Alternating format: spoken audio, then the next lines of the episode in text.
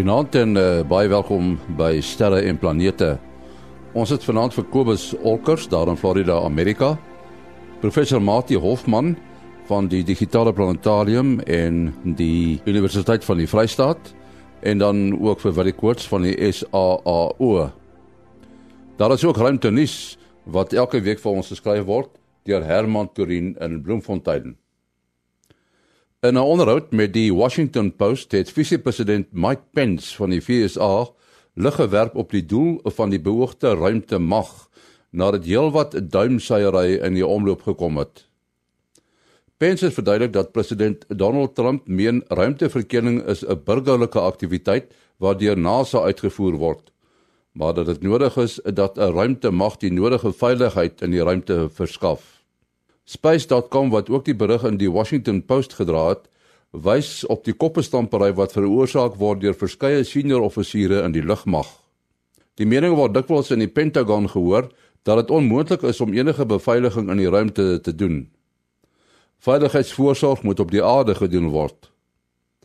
Die lugmag word van beskuldig dat hulle heelwat geld wat vir die ruimte mag bedoel is onderskep. Dit kan gedoen word omdat alles binne dieselfde departement geskied. Die argument dat die ruimte mag 'n eie entiteit los van enige bestaande strukture vorm, raak al sterker. President Trump is op rekord dat hy voel dat as die VSA weer 'n leidende rol in ruimteverkenning wil speel, die program ook behoorlik beveilig moet word. Die kanse dat planete na mekaar lewe kan deel, kan nou by benadering bereken word nadat 'n astrofisikus van die Universiteit van Warwick in Engeland, Dimitri Veras, bestaande data benut het om formules te ontwerp wat betrekking het op die kans dat organismes drie fases kan oorleef: die uitwerp van 'n brokstuk van 'n planeet, die reis van die brokstuk deur die ruimte en die neerstort van die brokstuk op 'n ander planeet. Data vir die eerste twee stappe was redelik bekombaar. Maar om betroubare data vir die derde stap te bekom, moes geïmproviseer word. Die ontdekking van die sonnestelsel TRAPPIST-1 het 'n handige toetsarena vir die berekenings geword. TRAPPIST-1 huisves verskeie planete binne die bewoonbare of terwyl goue lokkiesone. Die berekenings is gebaseer op die oorlewingsvermoë van lewensvorme op aarde of soortgelyk. Die mensdom het egter geen idee hoe buiteruimtelike lewe daaruit kan sien nie en dit kan heel moontlik baie meer gehard wees.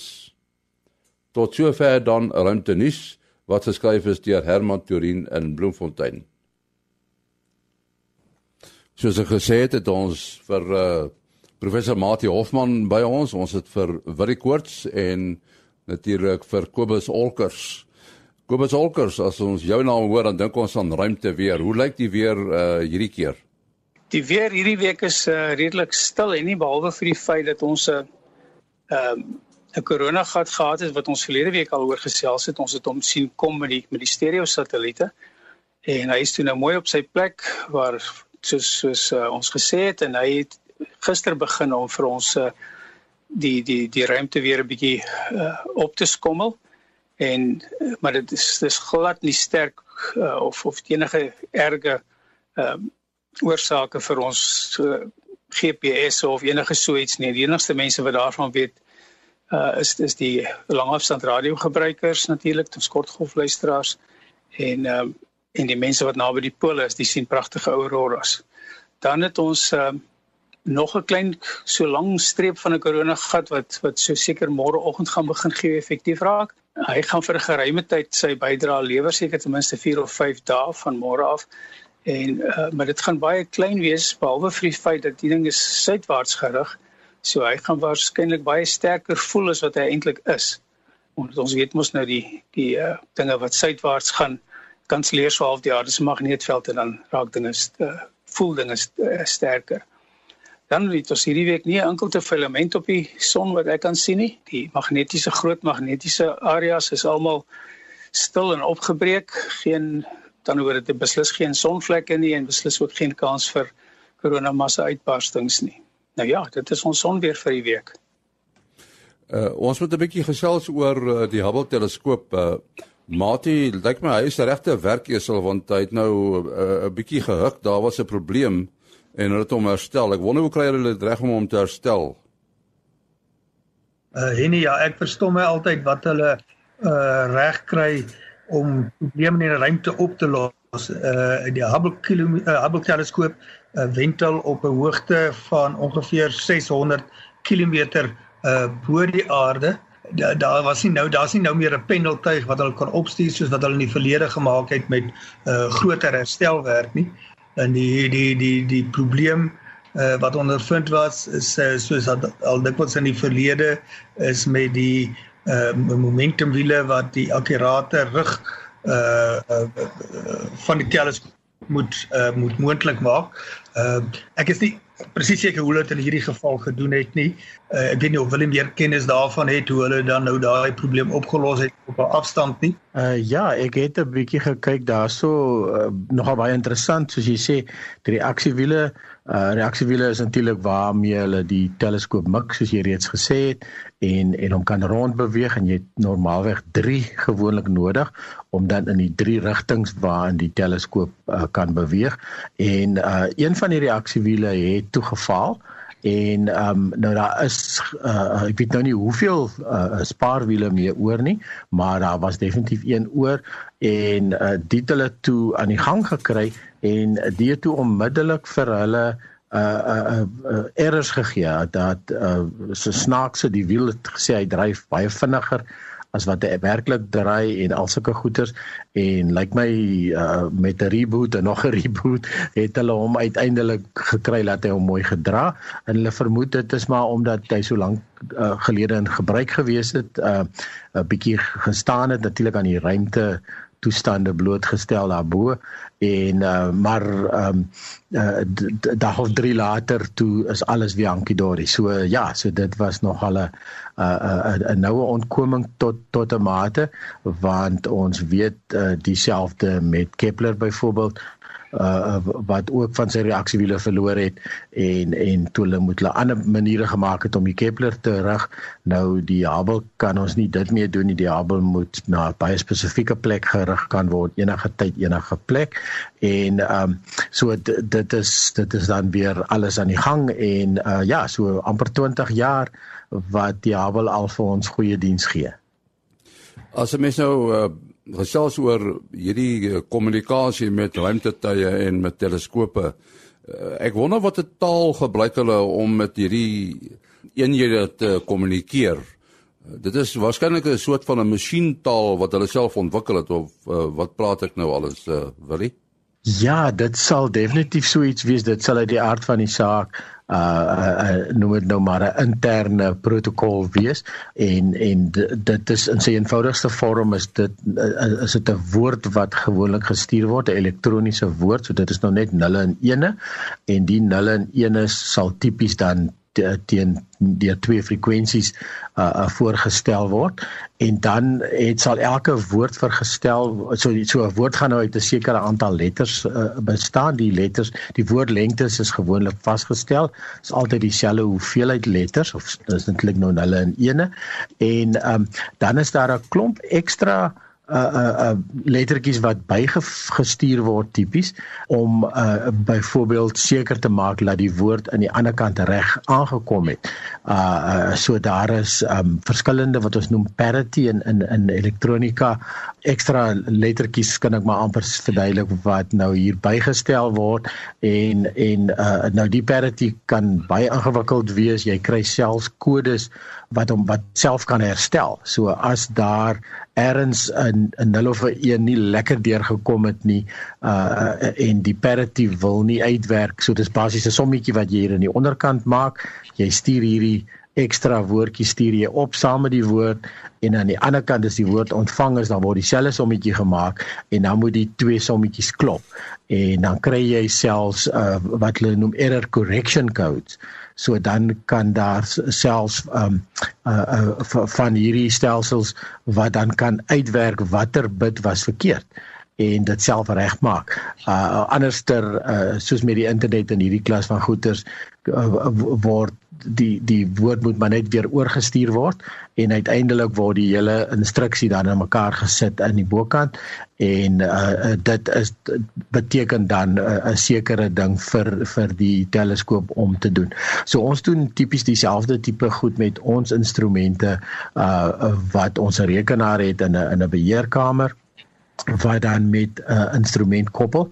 Deesdae gebruik ons sommer optiese vesel uh want jy dan nou net uh, baie min drade kan jy maar sê in die ou tyd het ons nou nog koperdrade gebruik maar optiese vesel werk dit baie beter jy kan baie hoër volumes data stuur in 'n baie kort tyd en dan het jy ook hierdie hene weer uh gesels tussen die rekenaar en die instrument wat dan uiteindelik vir ons die instruksies soontoe stuur of die data terugstuur. So ek neem aan dit gaan iets soortgelyks wees. Wat mense nie altyd besef nie is, is jy weet ons is gewoond aan ons internet jy klik op 'n ding en, en skielik is 'n 'n beeld daar binne millisekondes wat ons nie altyd besef nie is dat die bandwydte tussen tussen die aardstasies en die en die ruimtetuie is is heelwat laer as wat uh, as wat ons besef is dis om die waarheid te sê uh so laag is wat ek weet nie of die mense nog die ou modems onthou wat so gefluit en te kere gegaan het voor hy voor hy nou kon kontak maak by die internet nie. Dis omtrent teen daai snelhede wat die mense praat met dinge soos die solar probe en en met ehm um, en met baie van hierdie uh, ander satelliete soos Hubble en so aan. En soos Willie gesê het, die foutkorreksie kode wat hulle gebruik, uh sit natuurlik ook 'n paar ekstra bits by wat sodat 'n mens nou kan identifiseer. Dit is vreeslik oulik hoe dit goed werk. Uh as jy nou kyk na sê nou maar 'n 8 bit woord, dan wat die ouens doen is hulle tel nou die tel nou die nulle en die ene op en die eenvoudigste van daai kodes werk maar net jy as die getal wat jy kry 'n gelyke getal is, dan weet jy dis die korrekte ding En as as dit 'n ongelyke getal is dan dan is dit 'n verkeerde ding. Dit is die maklikste manier om 'n om 'n fout op op so 'n datastroom op te tel. 'n ander baie interessante ding is die feit dat hulle het nou op die ruimtestasie het hulle van Windows na Linux toe verander. So hulle het nou baie meer betroubare bedryfstelsel en dan om jou vraag te antwoord van die begin is die ouens op die satelliete gebruik hulle blykbaar die ou sal uh, operating system met abstraction layer taal uh, om met die om met die grond te gesels. Ons moet oor 'n ander uh, ruimtetuig praat en dit is die Dawn wat uh, blykbaar Mati ook nou gaan rus het, né? Nee? Ja, dit was uh, die afgelope tyd nogal 'n uh, uh, veel besproke tyd vir die vir die ruimtesendings met die Kepler teleskoop wat nou uh, ook onlangs uit brandstof uit uh, geraak het. Nou die Dawn sending is nogal 'n merkwaardige sending. Sy sending het op 1 November tot 'n einde gekom. Daar het uit die hydrazine uh, brandstof uitgehardloop het. Uh nou om die sending ten volle te waardeer, moet mens in gedagte hou dat hy reeds in September 2007 gelanseer is.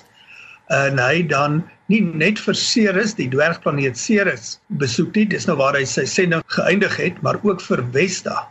Nou Vesta en Ceres is nou twee van die dwergplanete in die uh, uh, binnendeel van die sonnestelsel, daar in die asteroïde uh gordel. Die lansering was in September 2007 en wat nou goed vir hierdie sending uitgewerk het toe hulle beplan eh, toe die, die sending beplan het, sou hulle ehm uh, spreekwoorde gesê maar net asteroïdes bes, uh, besoek het en in Augustus 2006 het die internasionale astronomiese unie besluit die definisie van planete en dwergplanete herbekyk en Vesta en Ceres saam met Pluto is toe nou as dwergplanete geklassifiseer. Nie net hulle nie, daar was ander ook uh onder andere Eris daar in die in die Kepler belt uh en Makemake. Uh daar sal nog ander ook wees. So sal so tyd vat voor mense nou al daai name as huishoudelike name seker uh sal kan beskou. Wat die besoek aan Ceres betref, uh is daar baie baie nuwe inligting bekom. Ek het nou net die afgelope week 'n foto gesien van 'n kraterwal op Ceres wat ongelooflike detail van hierdie kraterwal, weet die die die die kant, die binnekant van die krater en dan aan die aan die buitekant van die krater wat nou ook 'n totaal verskillende topografie wys. Uh en dan wat baie aandag getrek het met die met die Ceres sending is die uh, die die een krater wat baie uh, wit materiaal ingehaat het wat hulle lank oor gewonder het wat dit is maar uh hulle het eerste keer waargeneem toe Ceres nog taamlik ver was maar soos wat hy nou nader al nader aan met aan die oppervlak gekom het met sy verbyvlugte kon hulle nou bepaal dat dit uh meer as taamlik baie sout bevat Een van die bevindinge wat ook na vore gekom het is dat Ceres baie water onder sy oppervlak bevat. Daar's besonder baie water in Ceres. Al lyk dit nou maar taamlik droog. Die oppervlak lyk lyk maar baie dood en droog soos 'n uh, asteroïde uh, in die asteroïdgordel dan nou lyk, maar onder die oppervlak is dit baie baie interessanter. En 'n ander baie interessante aspek van die van die sending is dat die die tuig, die dontuig het drie xenon oon motors uh aan boord gehad wat 'n klein versnelling kan gee maar wat dit uh daai versnelling oor 'n baie lang tyd kan gee sodat dit oor 'n tydperk van van maande 'n baie groot versnelling of liewer 'n toename in snelheid teweeg kan bring. Die xenon motors is dan deur hydrazine uh thrusters is die Engelse term. Uh, uh wil jy Kobus jy nou help met die mooi term vir 'n thruster? 'n aandrywer. 'n aandrywer wanneer jy nou bietjie 'n groter versnelling of korreksie nodig het vir die rug van die van die tuig en vir vir groot baan uh veranderings as hy nou val daar waar hy nou moes inwaarts spiraal na Ceres toe dan het jy nou bietjie meer woema nodig as wat die ion motors uh kon verskaf. En dan moet ons uh, ook gesels uh oor die verwantskap tussen noem dit nou maar ons weer op die aarde Kobus en uh, en ruimte weer. Wat is die verwantskap want baie mense het my dit al gevra. Weet jy dit is 'n dis 'n baie interessante ding en vir 'n verandering is dit die aardse weer wat die ruimte weer naby in die in die in die, in die ionosfeer beïnvloed. Uh mense sou nou nogal nie so dink nie. As mense nou vinnig sou dink wat is die wat die oorsaak is van ruimte weer is dit natuurlik nou die uitstraling van die son en die blaas van daai sonwind wat ons net nou net voorspel het uh en as hy by die aarde aankom dan dan dan skyn die klomp ultraviolet van die son af nou op ons suurstof en stikstof en natuurlik die die die kleiner hoeveelhede gasse in die uh, in die atmosfeer en dan bo op 'n op 'n plek omtrent so tussen 50 en 400 km bo kan die aarde kry ons dan nou die ionosfeer. Die ionosfeer is vreeslik belangrik veral vir ons tegniese goed.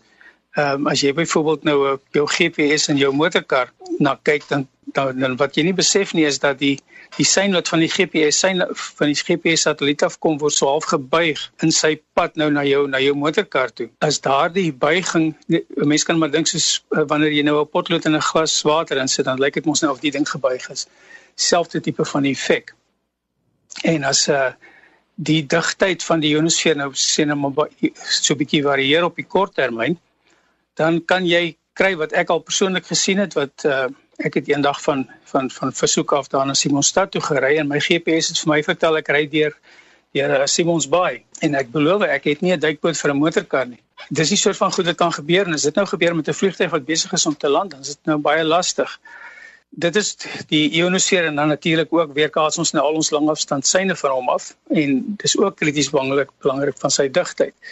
Nou ja, die son is son is gewoonlik op sy beste, maar ehm uh, nie te stabiel nie. Uh maar hy is daarom stil genoeg dat dit vir ons nie te veel kan gee nie. En toe daar nou 'n ekstra faktor bygekom, 'n paar mense het hierdie somme gedoen en agtergekom dat uh hierdie groot orkane en ander groot weerstelsels wat baie elektriese aksie het, uh weerlig en al die soort van goed, dat die effekte terugspring na die ionosfeer toe. Want party van hierdie wolke is is is is 'n uh, het 'n baie mooi hoogte. En as jy nou van die kant af kyk hulle het so 'n paar jaar gelede het mense per ongeluk 'n foto geneem so oor oor die bokant van die wolke hulle het van 'n bergtop af gedoen en toe kom hulle agter maar hier is keer as daar 'n weerlig onder toe gaan is daar is daar nou twee of drie wat boontoe gaan in die ruimte in wat die wolke nou koppel direk met die ionosfeer En wanneer jy nou 'n baie groot weerstelsel het soos daai, dan kan hy die ionosfeer heeltemal beïnvloed en sê nou maar jy's nou besig met 'n uh, om te praat met 'n vliegtuig wat nou mense moet gaan red ergens daarbo in Afrika. Wat sê nou maar medisyne moet gaan optel of so iets. En dit kan jy net met 'n langafstand uh radioskakel doen as jy as, as jy nie by die satelliete kan uitkom of as jy nie kan 'n satellietskakel bekostig nie. Uh, dan skielik is jy besig om te vlieg en die volgende oomblik verander die ionosfeer as gevolg van hierdie weer op pad na jou toe dalk aan die ander kant van die wêreld en jy het nie kommunikasie nie. Nou ja, so dit is die een van die komplikasies van ruimteweer wat ons nou binnekort ook sal kan in ag neem. Die ouens is nou uh, het het Woensdag 'n satelliet gelanseer wat nou na die wat hulle noem die air glow kyk. Dit is die die die gloeiing van die lug En die gloeiing van die lig is nou maar dieselfde as wat ons in aurora sien. As 'n mens nou 'n suurstofatoom nou sou ekstra energie gee deur 'n deur ultraviolet op hom te skyn, ehm um, dan sit hy mos nou die elektrone in 'n hoër valens in en wanneer die ding nou ophou skyn dan val die ding nou weer terug en dan kry jy nou 'n groen gloed en dit is waar die groen van die van die auroras vandaan kom. En selfs met stikstof kry jy dan 'n rooi gloed en nog met 'n paar ander elemente wat in die atmosfeer is kan jy ook blou gloede kry. Hierdie satelliet gaan nou al hierdie gloed wat ons heeltyd sien op die tussenakies in die uh, in die atmosfeer. Julle ouens wat met, met teleskope na die na die lug kyk, veral as jy nou met 'n redelike wye hoek teleskoop kyk, kry jy mens baie keer nogal steurnisse van die ekstra lig wat wat jy nie opgereken het nie as jy nou baie lank jou uh, jou jou teleskoop se lens of jou kamera se lensopening vir 'n geruime tyd ooplos, dan kry jy nou hierdie groen of rooi intrusies op die op die ding. En uh, nou ja, uh, ons het nou 'n satelliet wat vir ons binne die volgende maand of so sal begin data gee. En dan gaan dit nou 'n ekstra faktor word wat ons ruimte weer voorspellings net nog baie meer akkuraat gaan maak. Terwyl jy aan die gang is, uh, ons het al baie gepraat oor die Parker satelliet wat op pad na die son is. En uh ek het ook toe die vraag gevra, jy weet daar die hitteskerm wat wat gebruik word. Dit moet 'n taamlike gesofistikeerde stuk uh, apparaat wees. Die die beginsel is baie eenvoudig. Ek moet daarom nou net gou sê, ons het verlede week het Parker toe die eerste twee rekords gebreek. Hy sê die satelliet geword wat die naaste aan die son ooit gekom het uh met 'n afstand van 24 miljoen kilometer en hy het ook 'n spoedrekord gebreek. Hy het 343 miljoen kilometer per sekonde gedoen rel relatief tot die son. En hy het nou alreeds hierdie hierdie skerm nodig gehad. En al wat waaroor die skerm waar hy eintlik bestaan dit is twee lae redelike digte koolstof redelike dun laag en dan met 'n laag ehm um, uh van hierdie wat ons in wat hulle genoem het uh solid solid air. Dit is 'n 'n koolstof uh skuim wat 99% lug is. As jy hom optel, hy's amper so lig dat hy kan dat hy kan begin dryf. uh dit is 'n verskriklike ligte ligte ding en wat hulle gedoen het is hulle het nou twee van die goed met die met die toebroodjie in die middel van die skuim gemaak en hierdie hele affære is so net oor 'n uh 4 duim 100 mm dik en hy is seker net onder die 3 meter in deursnit. En wat hy dan doen is hulle stuur heeltyd die gebruik hulle nou hierdie aandrywingswiele wat julle net nou so pragtig mooi van vertel het dat hierdie skerm soos 'n sambreel by die satelliet sit en hy wys heeltyd na die son se kant toe. En hy is so effektief die temperature wat wat jy fisies daar kry alhoewel die die die ion temperature is in die miljoene grade van Celsius is die fisiese temperatuur wat jy op daai stadium ervaar is hier in die orde van 1400 grade Celsius. En hy kry dit reg om in 'n omgewing van 1400 grade Celsius die temperatuur by die instrumente so laag as 30 grade Celsius te hou. So hy's ongelooflik effektief vir net so laagie, mens kan amper sê skuimrubber. Dit is natuurlik nou vreeslike hoogs geleerde koolstofvesel. Hy het homself reeds bewys, alles alles werk. Uh, ek wil net nie die dag by wees as daai aantrekkingswiele op op hou werk nie. Ja, mense nou dink dat uh jy weet hierdie materiaal wat hulle gebruik het sal seker met die tyd ook op aarde gebruik word vir ander toepassings, nê, nee, want baie van die dinge wat in die ruimte ontwikkel word, die vind later sy sy sy pad na 'n uh, aardse toepassing. Verskriklik baie van die van die dinge wat ons as, as alledaag sien, het hulle eerste lewe in die ruimte gesien want wat mense nie altyd besef nie is die ruimte omgewing is ongelooflik vyandig teenoor enigiets wat ons hier op die aarde maak. Dis asof jy binne in 'n kernreaktor sit, daar waar dit redelik warm is, uh waar vreeslik baie straling is en uh jy weet hierdie straling kan kan materiale totaal vernietig. Die Kobus, ek sou baie graag van daardie materiaal bo my plafon wou sit. So die vraag is wat kos wat kos dit per vierkante meter? So ons moet dit bietjie probeer probeer uitvind. En, en ek werk, hulle het ook 'n spesiale keramiek verf aan die kant wat na die son toe kyk wat dan baie weerkaatsend is. En as mens nou maar net dink hoe 'n uh, sinkdak, hoe ongelooflik warm word daardie oppervlak. Daar is nou deesdae verwe wat 'n mens nou kan kry wat 'n bietjie help. Maar dit sal seker nie in dieselfde kaliber val as wat hulle daar op hierdie dit is skuld gebruik nie. Weet jy wat, dit is eintlik een van die heel eenvoudigste beginsels. Ek het dit gebruik toe ek nog daar in die Kaap gewoon het. En ek het 'n oom daar in Pretoria wat dit uh nou onlangs gedoen het en uh, al wat hy gedoen het is is hy het sy dak wit geverf. En hy het hierdie hele somer nie een keer nodig gehad om sy lugversorger aan te skakel aan te skakel nie.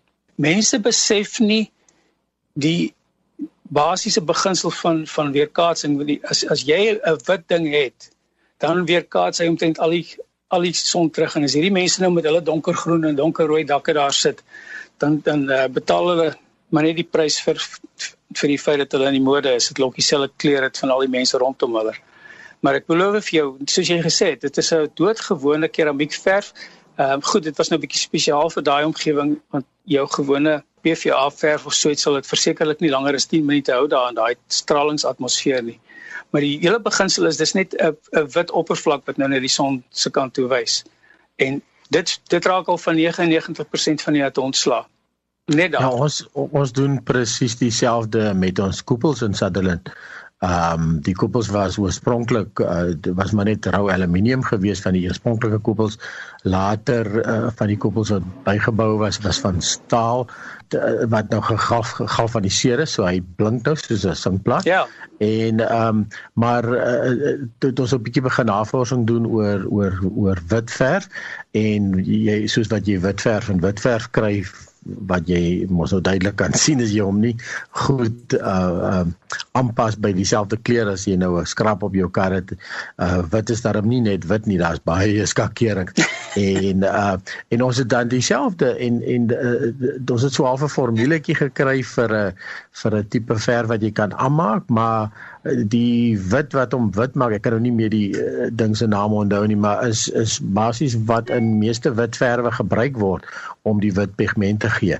En um mense mense moet amper dat die ander kant op besop dat jy kan super afkoeling kry um dat jy soveel van die hitte weerkaats dat jy in die aande of iets, ek kan nie meer presies die die detail onthou nie, maar ongelooflik wat 'n verskil dit maak deur net deur net wit verf te gebruik en dan om ons koepels want ons wil die aard van die saak nie hê die koepel moet warm word deur die dag nie en uh wanneer net jy nou hierdie klomp hitte wat opgebou word en as jy dan nou vanaand oopmaak uh daar waar jy dan nou deur kyk met die teleskoop is dan 'n ligspieeling dan dan lyk like dit soos ons wat die springbokkies surf uh, op die horison het mos die voete nie hulle hang mos so in die lug uh, uh, die die ligspielingseffek wat jy ja. dan kry wat dan jou sig uh, wat wat ons noem dome seeing uh, ons daar praat oor oor seeing maar dis natuurlik nou hoe stabiel die atmosfeer is en en jou koepel self dra nog al 'n klomp daartoe by as jy uh, hittebronne binne in jou koepel het uh, wat dan hitte opbou deur die dag. So dieselfde gebeur natuurlik dan deur die son se verwarming. Wie uh, ons tyd is uh, op. Kort weggestel. Uh, jou besonderhede. Ja, mense kan bel SMS of WhatsApp 072 4579 208 072 4579 208 En dan Kobus? Kobusolkers@gmail.com k o b u s o l c k e r s by gmail.com en Mati selfoonnommer 0836257154